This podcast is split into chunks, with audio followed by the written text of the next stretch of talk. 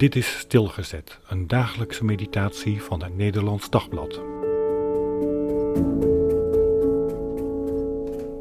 Verlies 2 Samuel 3 vers 38 De koning zei tegen zijn soldaten: Besef dat Israël vandaag een groot bevelhebber is ontvallen.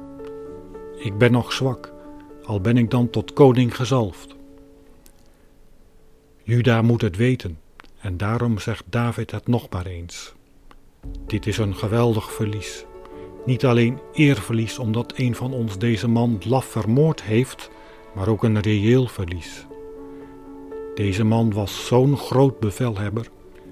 Hij was van onschatbare waarde voor Israël. Dit heeft gevolgen voor ons beleid. Juist bij de eenwording had Abner een belangrijke rol kunnen spelen. Maar ook daarna had ik hem graag in dienst gehad. Hij heeft een tijd lang verkeerd gekozen, maar daarin heb ik zijn trouw herkend.